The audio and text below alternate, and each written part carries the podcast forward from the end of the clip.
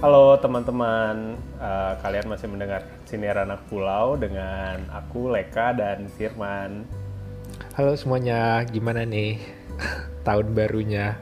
Aku rasa uh, ada teman-teman yang bikin resolusi atau di bahasa aku aku lebih suka nyebutnya plan di tahun baru ini uh, plannya itu memulai bisnis Hmm. Ini uh, tema yang akan kita obrolin nih Vi hari ini. Hmm, berat ya kayaknya. Tapi uh, sekarang mulai bisnis kayaknya lebih gampang gak sih Leka? Ya. Yeah. Aku apa aku aja yang terpengaruh sama media sosial ya. Kayaknya orang-orang kayak suka ngepost, oh bikin bisnis ini online shop, online shop terus sukses gitu. Apa aku cuma lihat cerita suksesnya doang kali? Mungkin membantu ya pemasarannya menurutku. Cuma hmm. jadinya juga tantangannya lebih banyak saingan kan. Kita ada di pasar yang sangat apa ya satu rated gitu sekarang jadinya semuanya. Hmm. Jadi bener-bener harus uh, cari nih yang kita bisnisin itu bedanya apa sih dari dari kompetitor gitu. Hmm, oke. Okay. Tapi tunggu, kita mundur dulu bentar. Ya. Kenapa orang mulai bisnis? Karena kan ya seperti kita tahu nggak semua orang mungkin bisa jadi pebisnis ya. Kalau semua orang bisa jadi pengusaha gitu, ya semua orang nggak ada yang nggak ada yang jadi pegawai dong. Iya, ya, ya kan? Pengalamanku pribadi ya. Hmm.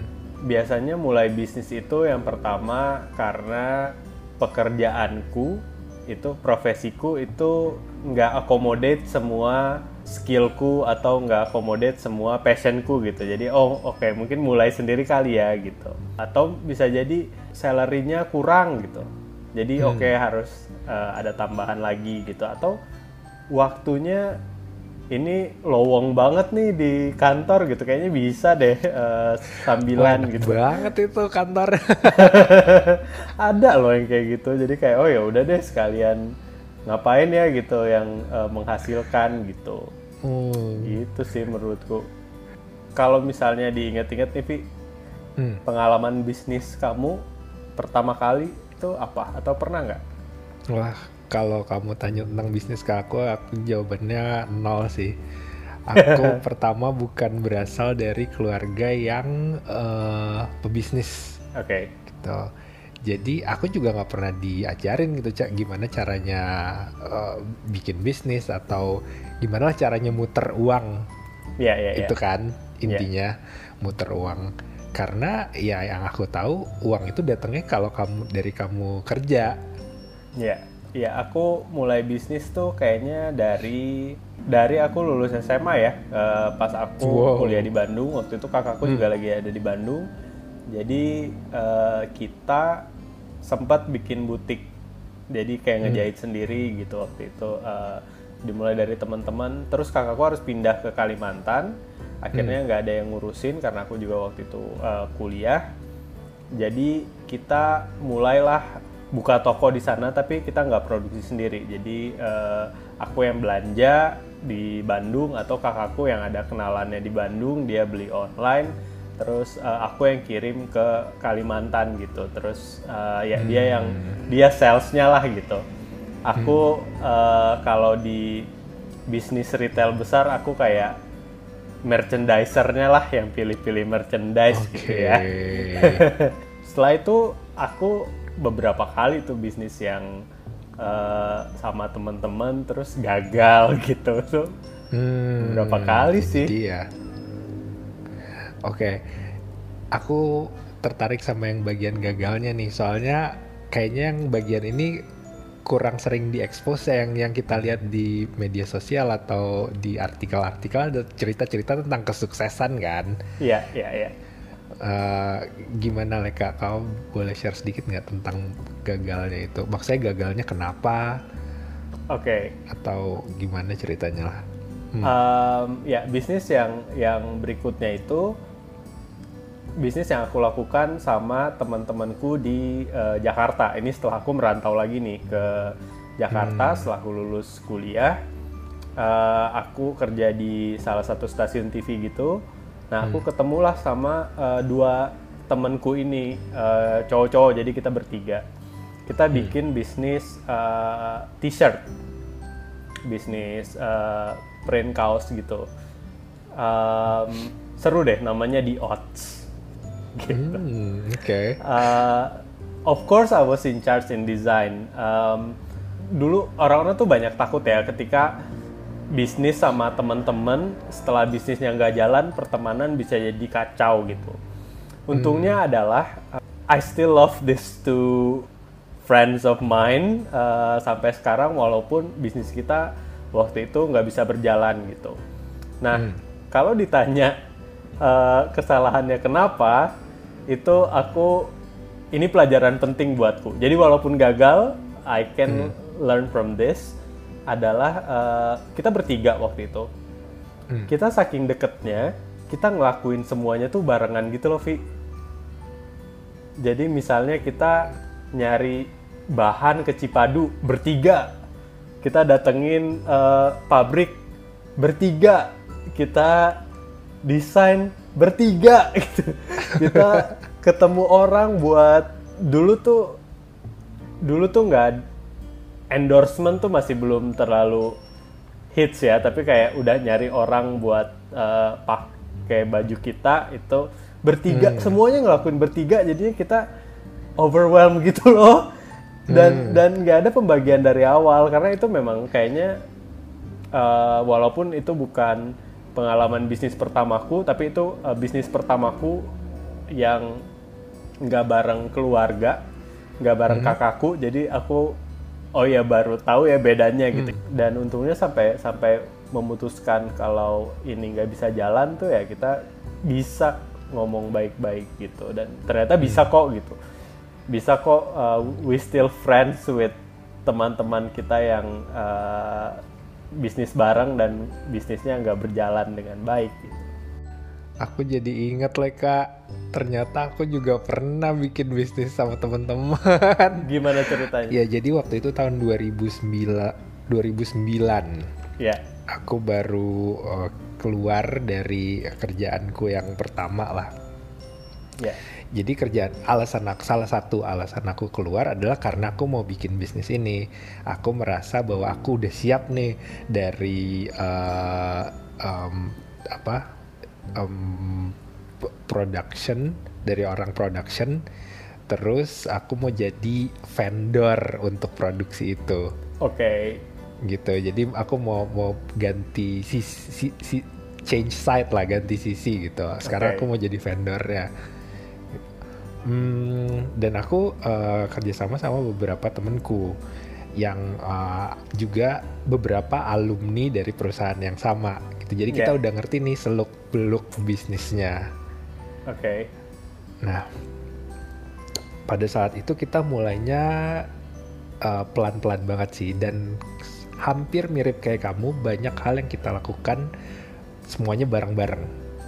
Ya. Yeah. Nah, tapi bedanya karena kita udah pernah kerja bareng, di situ udah mulai ada pembagian jadi ada orang yang in charge untuk uh, koordinasi uh, kerjaannya ada yang ngerja execute kerjaannya gitu gitulah yeah. bagian itunya udah oke okay, lumayan. Itu kita mau bikin vendor untuk uh, jasa uh, penerjemahan untuk subtitle film. Oke. Okay. hmm. Gitu. Jadi kita udah ada nih kerjaan masuk dan lain-lain Yeah. Tapi satu yang kita belum punya pada waktu itu adalah kita belum punya uh, big picture thinking gitu. Jadi kita nggak hmm. tahu seberapa besar kita mau uh, menjadi gitu. Yeah. Jadi kita nggak nggak punya bayangan dalam lima tahun, 10 tahun ke depan tuh kita pengen jadi segede apa dan kita udah harus punya apa aja. Kita cuma ngejalanin hari demi hari dengan rutinitas yang sama. Ya. Gitu. Karena ya mungkin karena kita juga semua masih muda kali ya. Jadi emang belum belum pernah terekspos sama kayak gitu. Setel, setelah aku kerja sekarang gitu ya aku baru ngerti bahwa kamu harus punya rencana jangka panjang, harus ada visi, ada misi gitu. Kedengarannya klise emang. Yeah. Tapi it gives you some guidance itu ngasih kita panduan itu dia jadi akhirnya pada uh, kita memutuskan tuh kita gak, aku nggak bisa lagi ngerjain ini aku I cannot do this anymore just because kita merasa at least aku ya ya kita aku ngerasa kayak jalan di tempat aja padahal hmm. kalau dihitung-hitung mungkin sebetulnya nggak kayak gitu mungkin sebetulnya kita udah berkembang pada saat itu cuma iya. udah yeah. ya we were young yang yang membekas sama aku adalah aku udah pernah ngerasain susahnya ngebangun bisnis. Hmm. Jadi aku nggak takut lagi gitu kalau mau mulai lagi dari awal karena yeah. aku udah ngerti rasanya bisnis nggak jalan tuh kayak gimana, bisnis gagal seperti yang kamu bilang tadi tuh rasanya kayak gimana. So yeah, yeah, yeah. itu bukan perasaan yang baru lagi kalau aku ngalamin hal yang sama jadinya. Iya, yeah. but at least we agree on one thing ya. Uh, hmm. Sejauh ini ngomongin bisnis adalah um, kegagalan-kegagalan yang kita laluin ini itu nggak sia-sia gitu. Hmm. Ada uh, tiap kegagalan tuh ada pelajarannya masing-masing ya. Hmm. Satu hal yang menurutku orang suka lupa atau at least aku nggak sadar sebelumnya uh, lumayan naif itu adalah aku pikir ya orang yang mulai bisnis tuh lebih santai gitu loh pressure-nya daripada uh, kerja kantoran. Ternyata nggak juga ya gitu. Kalau misalnya kita misalnya kita berdua nih Vi kita hmm. berdua mulai bisnis yang ber, kita berdua aja ya udah semuanya HR, marketing, sales, finance, promotion, sosial media ya udah kita bagi berdua semuanya jadi kayak hmm. ya nggak bisa nyantai gitu. Iya, iya nggak, iya nggak gitu cara mainnya. iya, iya. Nggak usah bisnis ini podcast aja kita berdua yang ngurusin ya kan. iya, iya, Semuanya iya. kita bagi berdua. Iya, iya. Jadi betul balik lagi, mungkin bisnis itu nggak buat semua orang ya karena tiap orang punya tanggung jawab yang beda-beda alokasi waktu yang beda-beda juga gitu in a way kerjaan tuh lebih jelas kalau misalnya sebagai uh, employee gitu hmm. uh, aku tahu batas-batasku tuh uh, seperti apa aja tuh aku tahu lah gitu. Jadi uh, seolah-olah menurutku tadinya uh, oke okay, jadi jadi karyawan tuh lebih lebih aman gitu daripada uh, start bisnis gitu. Hmm. ya. Yeah. you know what I'm going to say next?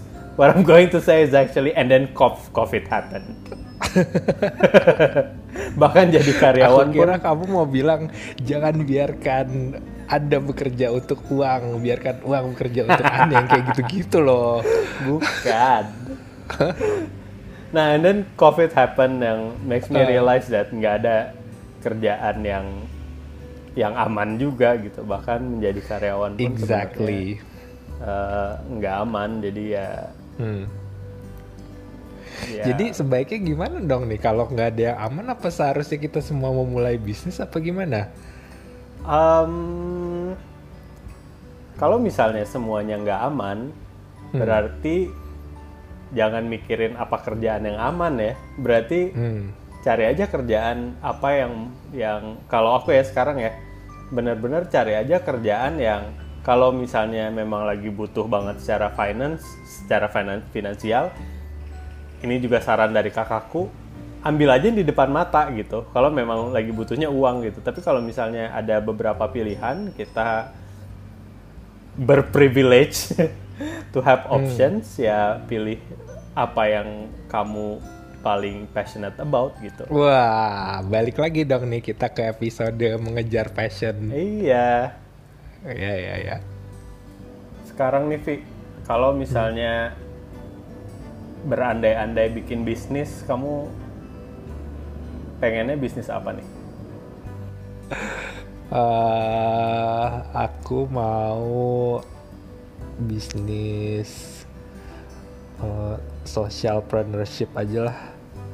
Okay. Yang ada yang yang ada giving back ke society-nya gitu loh kayak misalnya bikin podcast ini gitu ya ya ya that's right nggak uh, tahu sih aku nggak kebayang ya bisnis macam apa yang bisa bisa kayak gitu. Karena menurutku ya you need to earn if you want to give back.